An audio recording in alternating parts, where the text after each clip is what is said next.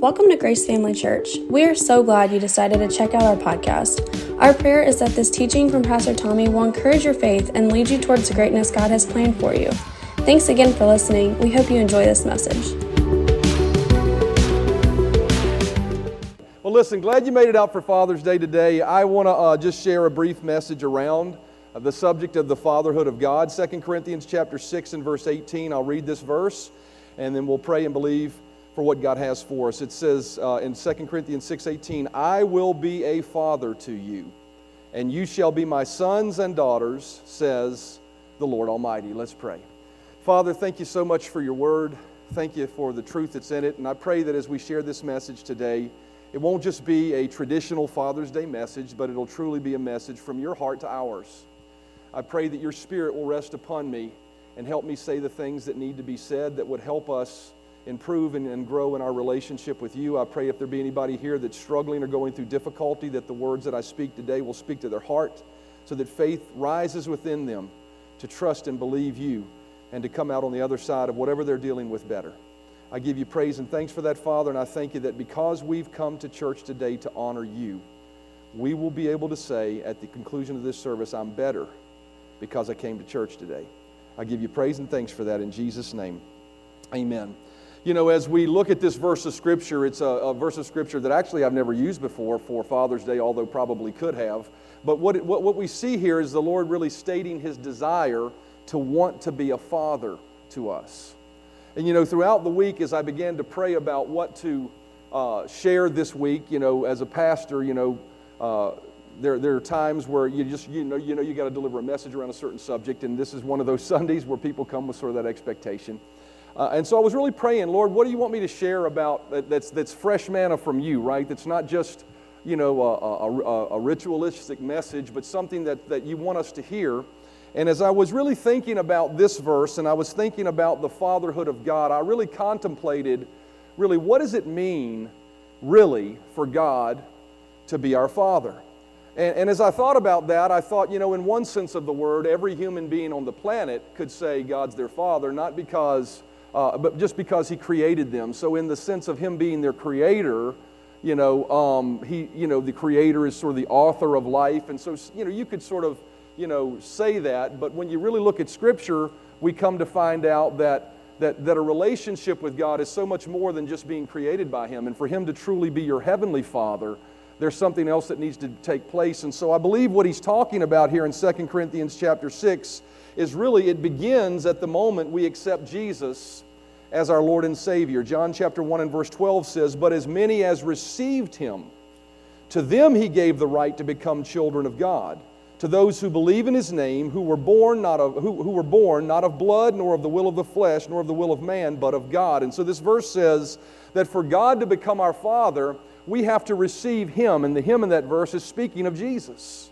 We have to receive Jesus as our personal Lord and Savior. And when we receive Him as our personal Lord and Savior, at that moment, this verse says that all of a sudden we're not just born of the flesh. We're not just born of blood. We're just not natural human beings. But actually, what happens is, is we become spiritually reborn. Jesus said to Nicodemus, Except a man be born again, he cannot see the kingdom of God. And so, what happens in that moment is, is we become spiritually born. And at that moment, God becomes our heavenly Father. As a matter of fact, before that moment, before anyone ever receives Jesus as Lord and Savior, it's very clear the Bible says that God is not our spiritual Father. Because we've all sinned and fallen short of the glory of God, and we all, when we have that moment where we sin and we, we, you know, as we mature as children and we step into that moment where we become aware of right and wrong and we cross that line, the Bible says, just like Adam did, we die spiritually. And we become separated from God as our Father. But when we accept Jesus and what he did on the cross for us and the fact that he shed his blood for us, we become children of God in that moment. But I believe, you know, Paul was writing to the Corinthian church. These were people that were already had already experienced that most of them had. They already were born again and yet he's stressing the fact that God wants to be their father. So there was something more to what he was saying to them than just I want you to be born again. He was saying I want you to be I want to be something more to you in your life. I believe we see it's God's plea for us to open ourselves up to Him and, be, and allow Him to be something more than just someone from a distance we call our Father because we were created and because at one point in our life we accepted Jesus. I believe it's a call for us for something much more intimate, and we see that as we look back to that opening text in greater context. We look at the scriptures that surround 2 Corinthians 2 and verse 18, and we'll read those. We'll see that what he's talking about is a much more intimate and committed relationship to God. It says, Dear, dear Corinthians, I'm reading from the Message Bible, um, and it says, Dear, dear Corinthians, I can't tell you how much I long for you to enter this wide, open, spacious life. So we see here that it's the desire of Paul as he wrote this by the inspiration of the Spirit of God. So we could say it's the desire of the Holy Spirit as Paul wrote words that the Holy Spirit gave him. That's what the Scripture tells us. That, that it's, it's a desire for us to open up our lives and live wide open, spacious lives. What does that mean? Well, he defines it here a little bit. He says, We didn't fence you in. The smallness you feel comes from within you. Your lives aren't small, but you're living them in a small way. I'm speaking as plainly as I can and with great affection. Here's a phrase that I want to hone in on today. He says, Open up your lives. Open up your lives. Live openly and expansively. Don't become partners with those who reject God. How can you make a partnership out of right and wrong? That's not partnership, that's, that's war. Is light best friends with dark? Does Christ go strolling with the devil? Do trust and mistrust hold hands? Who would think of setting up pagan idols in God's holy temple? But that is exactly what we are, each of us a temple in whom God lives. God Himself put it this way I'll live in them, move into them, I'll be their God and they'll be my people. That's talking about something very intimate. That's talking about uh, recognizing more than the fact that you've just been born, born again and that God's your Father, but recognizing that God, by the power of the Holy Spirit as your Father, lives in you. It's talking about an awareness, an intimate relationship with God. So leave the corruption and compromise, leave it for good, say, says God. Don't link up with those who will pollute you. I want you all for myself. Boy, I got to tell you, God loves us. And then he goes on to say, I'll be a father to you, you'll be sons and daughters to me. So, what we see here is this in this expanded context of what he's saying is, I, I desire something more than just a distant relationship with you. I desire more than just being someone you acknowledge on Sunday mornings. I desire to truly be a father to you. And, and, and, as I said, I want to hone in on verse 13. He says in that word, open up your lives. See, I believe what the Lord wants to challenge us with this morning is there is a plea for God, for every one of us, not to be some stoic, distant, emotionally separated dictator that says, You need to acknowledge me as your father. Much like a you know, uninformed, uneducated, spiritually stupid man would say when he says, I'm the head of this house, bless God, and you need to acknowledge me as that. How many realize that's not, the, that's not why God said you're the head of the house, right? God acknowledged man as the head of the house because he would serve and, su- and submit himself to the wife and serve her and help her, right? Amen or oh me? All the women should have said, You got that right, Pastor? Right? So, so uh, God's not one that's saying, look, you need to acknowledge me as the Father. Don't, don't go around, you know, darkness because, uh, you know, He's not trying to put His thumb on us. What He's saying is, is I love you so much that I want you to be close to me. So I want you to open up yourself. And when I think about opening up ourselves, I think, I, I think it's important for us to recognize that for God to have an intimate relationship with us, we have to be people that don't hold back parts of ourself from Him. In our worship, in our service, in our devotional time, in our daily walk with Him. We find this concept of intimate fatherhood spoken of in 1 Corinthians chapter 14 in a little bit of a different light. And, as I, and, and this verse, I thought, how am I going to incorporate this verse into a Father's Day message, although it very, has very much to do with being a father? But I want to read it to you because I think it sheds some light on what God was trying to say here in 2 Corinthians chapter 6. 1 Corinthians chapter 4, 1 Corinthians chapter 4, 4, verse 15 through 16 says this. It says, For you may have countless instructors in Christ, but you don't have many fathers. For I became your father in Christ Jesus through the gospel, therefore I urge you to imitate me. Paul said this he said, There are many people in your life that will instruct you, but for your life, I have become a father to you. Now, that's really important because Paul, for a variety of reasons, had graduated from being something in their life to something else. He had graduated from being an instructor to being a father. And as I thought about that, I thought about what's the difference in an instructor and a father, and how does that apply to us submitting our lives to God and allowing Him to be a father to us? I believe the difference in being an instructor and being a father really boils down to one simple word, and it's this word intimacy. Everybody say intimacy. You see, a father, and still, you know, think about it, an instructor, you may know of an instructor, but you don't know the instructor in many cases. But a father, you know him. A father actually knows you. You're not a faceless number in a multitude of people. He knows who you are. If you walk by him in a crowd, your father, most likely, if he was, a, you know, you were, he was in your life, and he would know you, right? I think about the body of Christ many times. There are many instructors, right? How many of you realize there are many online personalities, people we follow? But my question for you is this Is that person really a father to you or an instructor? Because if they saw you in a crowd, would they know you? A father is invested in the relationship. If you went away, your going away would be meaningful. You know, if, if, for God, if we depart from Him, it means something to Him. A true parent father relationship was one that invokes and also brings security and trust. It's someone that you can say, I know them so much that I can trust them. This is a little side note. I'm not going to go into this today, and this is not the point of my message. But my question, one of the questions I would really ask every one of us in our life is, is do you have spiritual fathers in your life? You know, one of the reasons it's important to have uh, men's meetings is so that we can establish intimate relationships with people to whom we're accountable people we can open up and share our lives with. But do you have any fathers in your life? That's, that may be a tough question. And I'm not talking about natural fathers. Are the most influential voices in your life people that know you or just instructors? You know, I'm grateful for media, I'm grateful for Christian television, I'm grateful for all these things. But if the most influential people in your life are people that don't even know you, you're in a dangerous spot of becoming unbalanced. Can I get an amen? Do the voices of your instructors usurp the voices of your fathers? Another difference in an instructor, we'll move on from that one. You can just take that one and let that one simmer for a bit. Another difference in an instructor is, an, as, as a father is, is an instructor shares just shares information, but there isn't a lot of caring involved.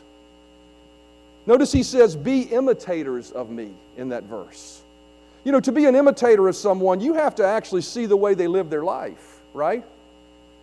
So, what God is saying is, I will be a father to you in 2 Corinthians 6. He's saying, I want you to know me so well that in any given situation, you know how to behave because you've seen me behave that way in your life. Amen? I believe God wants us to have a level of intimacy with Him so that we don't just quote what He says, right? We don't just hear the Word, but the Word has become action in our life, and we actually have experiences with Him. Right? Not experiences that are outside of the Word of God, but experiences that line up with the Word of God. I guess the point I'm trying to get to this morning is, as I'm sort of circling around this idea, is I believe what God is saying to us this morning is He wants to be so intimate with us so that we can actually not just have a book knowledge, a head knowledge, a theology, a doctrine we believe in but so that we have a true experience. I mean, me and Zach have a relationship. I'm his father, he's my son. He could pretty, pretty much probably go anywhere at this point in his life and tell people that's what my dad would do. Couldn't you? Why? Because there was intimacy there. See, God wants to have that kind of relationship with us. And the reason He can say that is not just because I've told Him that, but because He's seen me live it in the good and the bad. He's seen me make mistakes and learn to repent and turn from them, right? But He's seen all of that. I've lived my life openly and intimately with Him. And God wants us to live that closely with Him. He wants us to live that open with Him. So, how do you open the door and allow God to be a father that's intimate to you? This is really what I want to get to this morning. How do you open that door for deeper relationship with the Father? First one is simply this, and this is one I've been really, for the last six months or so, it seems like I've been coming back to. You take the time to get to know Him. Everybody say, take the time to get to know Him. There's a need for us to press in and get to know the Father. There's a need for us to be people of prayer. There's a need for us to acknowledge Him in our everyday life when we're walking and coming and going. There's a need for that. To not just be Sunday morning acknowledgers of God, but every day when we get in the car and the seat's empty next to us, to invite Him to sit next to us, even though He lives in us. Right? Paul told Timothy this, this, this verse in 2 Timothy chapter 1 and verse 12. He says, For I know whom I have believed. Paul said, I know him. I know him. Have you opened up your heart enough to God that you can clearly say, I know him with that level of intimacy? He walks with me, he talks with me, I understand him, I have experienced him. You know, I've often said a man with an argument is no match for a man with an experience, right? Somebody tells me the stove isn't hot, I can tell him I know it is. Why? Because I've touched it at times when I shouldn't have, right? See, there is no argument that can, that can rob from you the reality of a real relationship with Jesus when He makes Himself real to you, when God makes Himself real to you as a Father. Can we truly say, I know in whom I believed? Do we have that hunger in us? That real hunger that says, I want to know my Father. You know, I'm so grateful for my dad. My dad, you know, passed several years ago and he's in heaven rejoicing today. I can't wait for the day I get to rejoice with him. But while I'm here, I'm going to try to make him as proud as I can by serving Jesus every day of my life. But I'll tell you something about my dad that stood out to me that was really interesting. I remember this as a young man. I was probably in the third or fourth grade. We lived in Bedford County, which, by the way, Maria, give Maria and Chris a hand. They got married this week. Give them a hand. Love you guys. So excited for you all. They did a private ceremony, and I was so, so thrilled and honored to be a part of that. And, um, you know, she was so apologetic, like it was a burden for me, but I, I loved it because I love you guys. And, and, and so I got to drive to Bedford County, and at the foot of uh, the Peaks of Otter, got to marry them at a, just a beautiful setting. But uh, what I got to do a little bit before that was reminisce a bit because I grew up next to the Peaks of Otter on a mountain called Suck Mountain. um, but it was but i have some fond memories from there. And, um, and i got to drive by the foot of the driveway that led up there. I didn't have time to go all the way up the hill but as i was sitting there you know i was I, I, was reminded of something about my dad and the hunger he had for god i remember third or fourth grade we had built this house up on the top of this mountain and um, but on the back side behind some trees there was this thing we called flat rock and it was this rock that was probably as big as one whole section of this uh, sanctuary and I remember my dad, we had moved from Richmond to, to um, uh, Bedford, and he had just gotten a hold of God really in his life, although he had been born again much sooner than that. But he had really just gotten turned on for Jesus and, you know, through the full gospel businessmen stuff. And, and he was, I remember him going out on that rock. And I remember hearing him from the house praying and, and crying out to God to know him in a more full way. I remember my dad that hungry for God. And my question is, is do, you know, when we say get to know him, it's not because he's pushing us to get to know him. He loves us so much, but do we have that hunger for God? Can we truly say that we're hungry for him? You know, as I think about our teenagers going off to youth camp, teenagers, I pray you hear me say this. I pray that this week is a, a week of great friendships being formed and fun times but I pray more than anything that you, and I hope this will be a desire that you adopt even through this message, that as I go this week to camp, I want this week to be a week where I touch God in a real and personal way so I can say I know in whom I believed. I'm believing for that to happen this week. I can tell you that I had a moment like that at youth camp. My prayer for all of us today as we honor our fathers, as we turn our eyes toward heaven and we look to God our Father, that there's a cry in us that says, Lord, I want to know you intimately. Now, the good news about God is He's not hiding from us. If we seek Him, he, is, he will be a father to us. He said in Jeremiah 29 and verse 13, And you will seek me and find me. What an emphatic statement. He just says, as a matter of fact, and you will seek me and find me when you search for me with all of your heart. He's saying, when you turn your eyes to me and you seek me, I will honor that. I won't hide from you. I won't run for you. I will make myself real to you. So, the first way we open up to God is we make a decision that says, I want to know Him. Second thing, way we open up to God as our Heavenly Father is we open ourselves up to allowing Him to know us.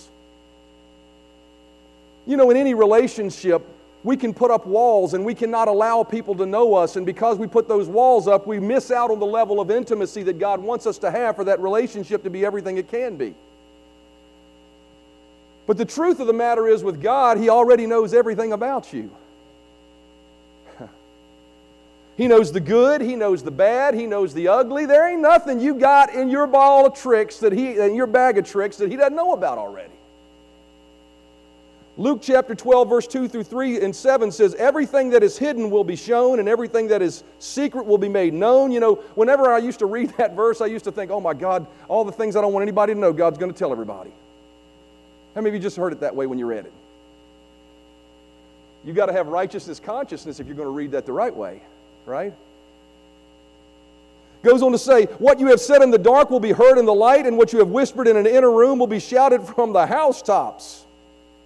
Verse 7 goes on to say, But God even knows how many hairs you have on your head. Here's the point I want to make from this whole verse of Scripture is this, is that God knows every single little thing about you. Every great thing, every bad thing, every good thought, every bad thought, every mistake you've ever made, every hidden thing that you're dealing with that you can't seem to shake, that you don't want anybody to know about. He knows all of it. So when I say that we need to allow God to know us, I'm not talking about revealing to Him something He didn't already know. I'm talking about opening up ourselves to Him to say, Lord, you already know this, so I'm not going to hide it from you. I'm going to come running to you with it. See, what happens with most people is when it comes to God, they, they even acknowledge maybe somewhere in the back of their mind, He knows everything about me, right? But they hang on to that thing and try to keep it from Him. And what they wind up doing is forsaking the very mercy that God wants to give them. And maybe it's because for some reason they don't understand that even though God knows everything about us, He's not angry with us. He loves us. Jonah chapter 2 and verse 8 says, Those who cling to worthless idols forsake their own mercy and turn away from God's love for them. What it says is when we cling to things, when we protect ourselves, when we hide our hurts, when we hide our inner vulnerabilities from God, what we're actually doing is forsaking the very God who can heal us from those things. For, true, for to have a true father child relationship, we've got to open ourselves up to the already knowing eyes of God. David the psalmist did this. He said in Psalm 139, verse 23 Search me, O God, and know my heart. Test me and know my anxious thoughts. See if there be any offensive way in me and lead me in the way everlasting. When David penned this, he wasn't saying, God, I want to show you something you don't already know. Because how many realize God already knew everything about David before he ever said it? What it was was a posture change in David's heart. He changed his heart and said, Lord, I want you to know everything. Shine your light on every corner of my life. Why? Because you're a father, and I know you won't hurt me with that information. I know you'll help me with that information. I know you'll help me because I'm opening up to you. See, for us to submit ourselves to God, we need to understand that God loves us in spite of all of our problems. Everybody say, in spite of my mess, God still likes me. Romans chapter 5 and verse 8 says, But God demonstrated his own love for us in this while we were sinners, while we were sinners, while we were sinners, Christ died for us. Verse 10 goes on to say, For if while we were God's enemies or sinners, we were reconciled to him through the death of his Son, how much more?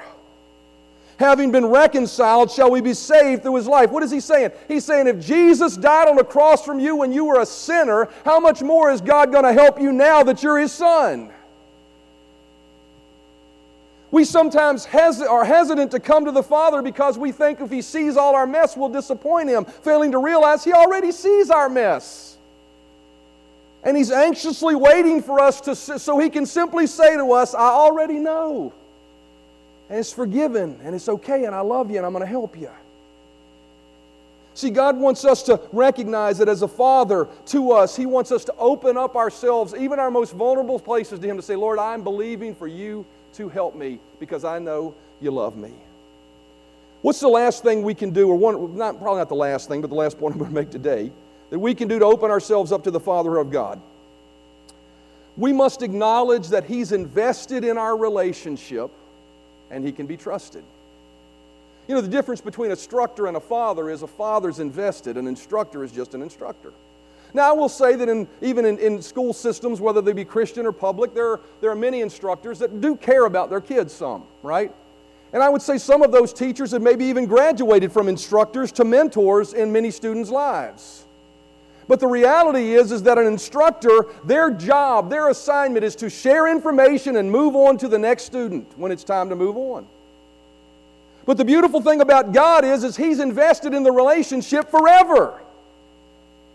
He's invested in you. He is emotionally and spiritually invested in you. He cares about you. A father doesn't have the luxury of just moving on because he's accepted a deeper responsibility, uh, because, because he's accepted a deeper responsibility that, of, a, of that relationship and because he cares. I think about that. Often we may relegate ourselves. You know, I think about this. You know, sometimes we don't grasp how much God is emotionally invested in us. How many of you realize God is a spirit? And He is love, but He also loves, right? Sometimes I think we fail to see that God is emotional. He created us in His image. He loves us passionately caringly. And I think sometimes we fail to realize how invested He is in us individually. And that can inhibit us from opening up to His fatherhood. Often we may relegate ourselves as to some unimportant number in the face of multitudes of people. Right? We come to God and pray, but there's so many other people, maybe some other people we deem more important to Him than us. But Luke chapter 2, 12 and verse 6 says this, it says, Are not five sparrows sold for two pennies. Yet not one of them, not one of them is forgotten by God. Indeed, the very hair, hairs of your head are all numbered. Don't be afraid. You are more worthless than many sparrows. What is he saying? He's saying that God has his eye on you. You specifically. Not me, not Billy Graham or Franklin Graham. He's got his eye on you this morning the God of the universe, wants to be a father to you, and one of the ways he wants you to grasp that concept is to recognize that he's got his eye on you. He's in specifically invested in you individually.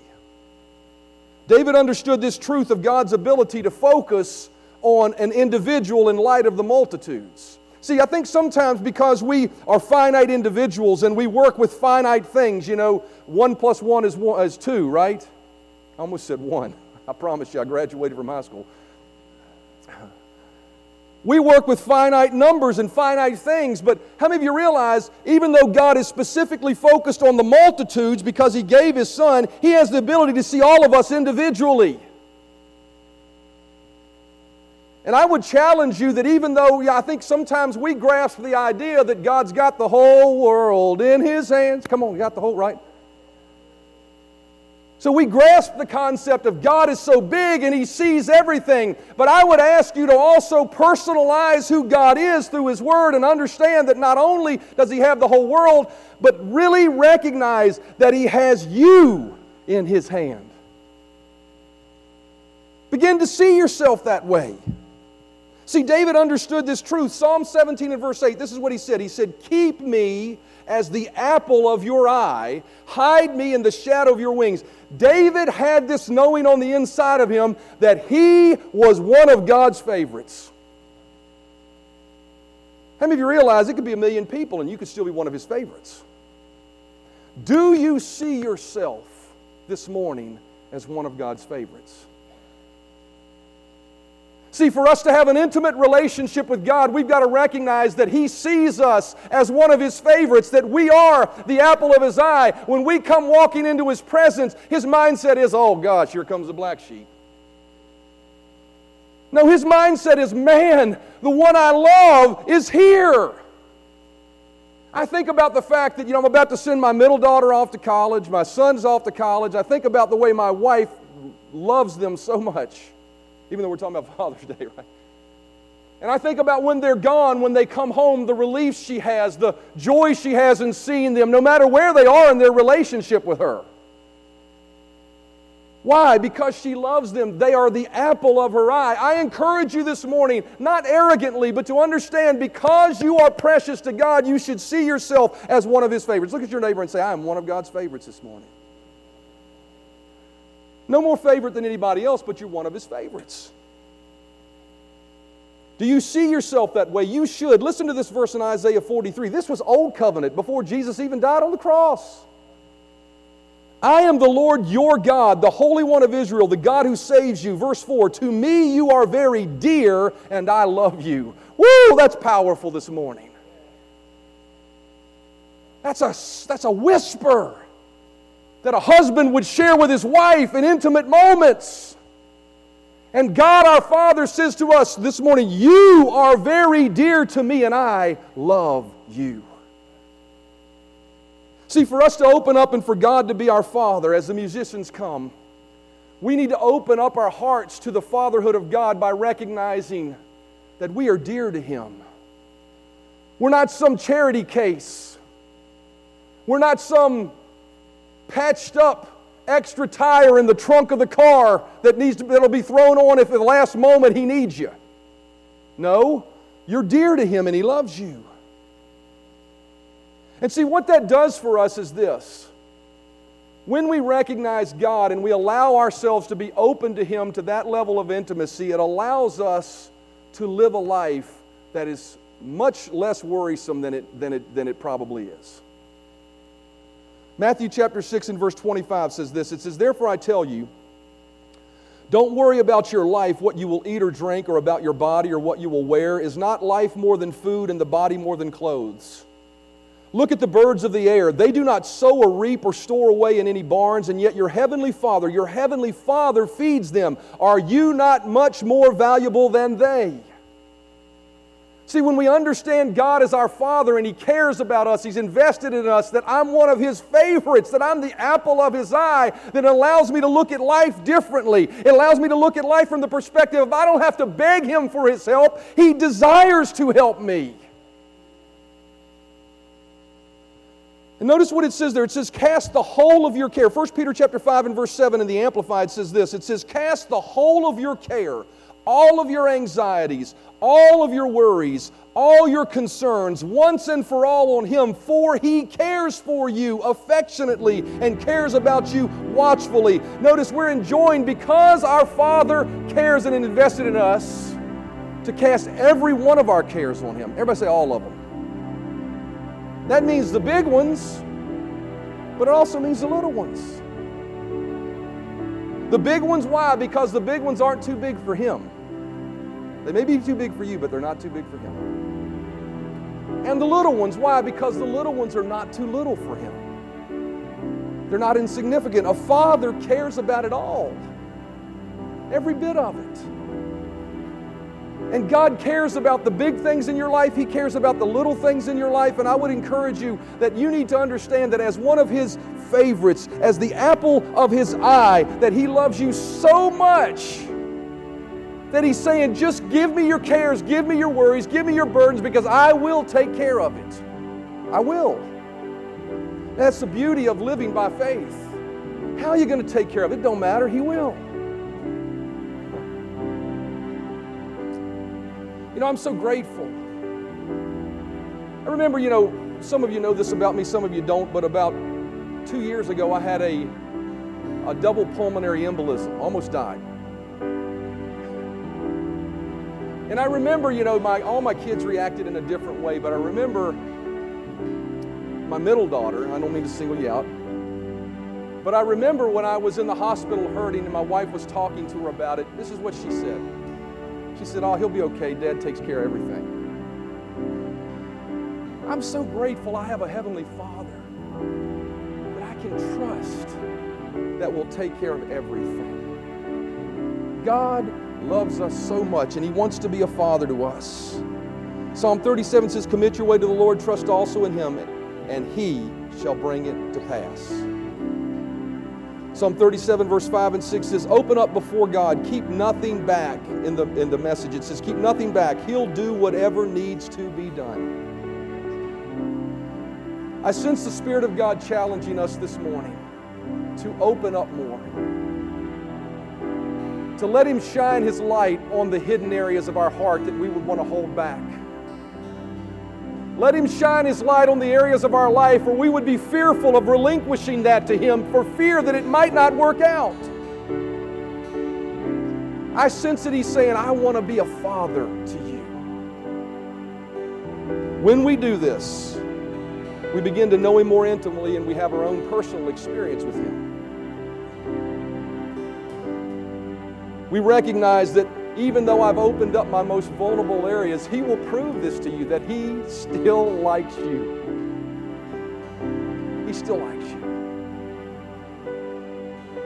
And then we'll grow in our understanding of Him so much, of His care for us, that we can truly cast our cares on Him and live carefree, faith filled lives. Amen. Amen. Bow your heads with me. Father, thank you so much.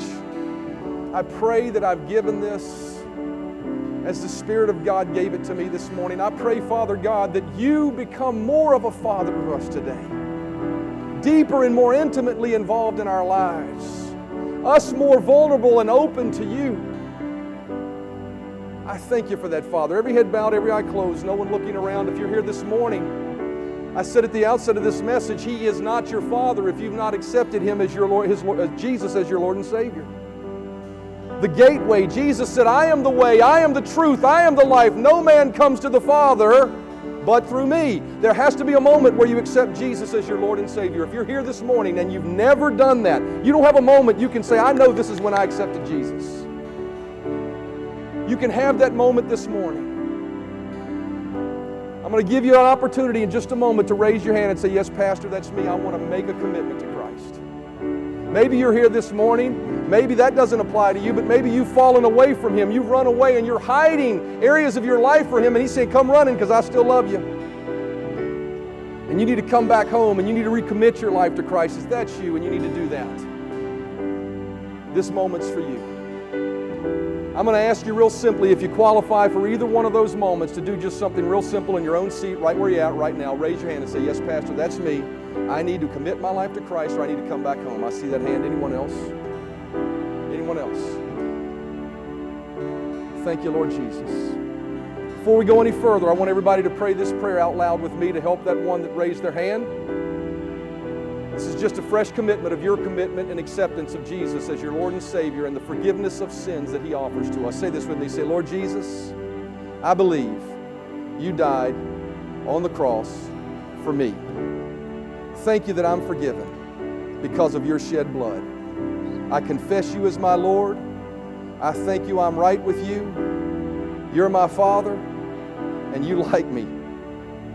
In Jesus' name, amen and amen. Thanks for listening to our Grace Family Church podcast. We really hope you enjoyed this message. If this ministry has blessed you in any way, we would love for you to get connected. Just go to gfcva.info to learn more about who we are, how to give to this ministry, or how you can get involved. Thanks again for listening, and we hope to see you soon.